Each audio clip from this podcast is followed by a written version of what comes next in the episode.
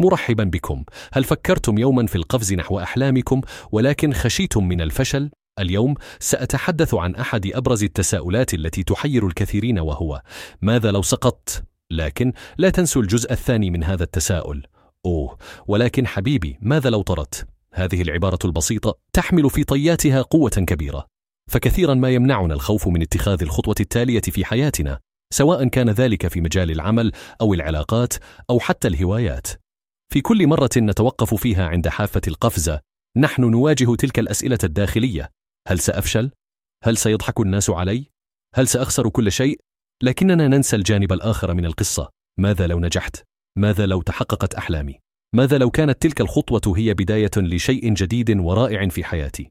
إن التفكير بالطريقة السلبية يمكن أن يحد من إمكانياتنا ويمنعنا من الوصول إلى أقصى إمكاناتنا. ولكن عندما نبدأ في تقبل الفكرة أن الفشل ليس نهاية العالم وأنه في الحقيقة يمكن أن يكون بداية لشيء جديد نبدأ في رؤية العالم بطريقة مختلفة.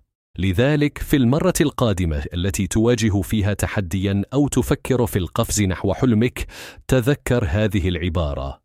وتذكر أن الحياة قصيرة والوقت يمر بسرعة وأن الشجاعة ليست في عدم الخوف ولكن في مواجهة الخوف والقفز على اي حال. وقبل أن أنهي حلقة اليوم أنا مايك وقد أنشأت هذا البودكاست مجانا باستخدام أدوات الذكاء الصنعي. تعلم كيف فعلت ذلك على mrc نقطة fm أراكم غدا.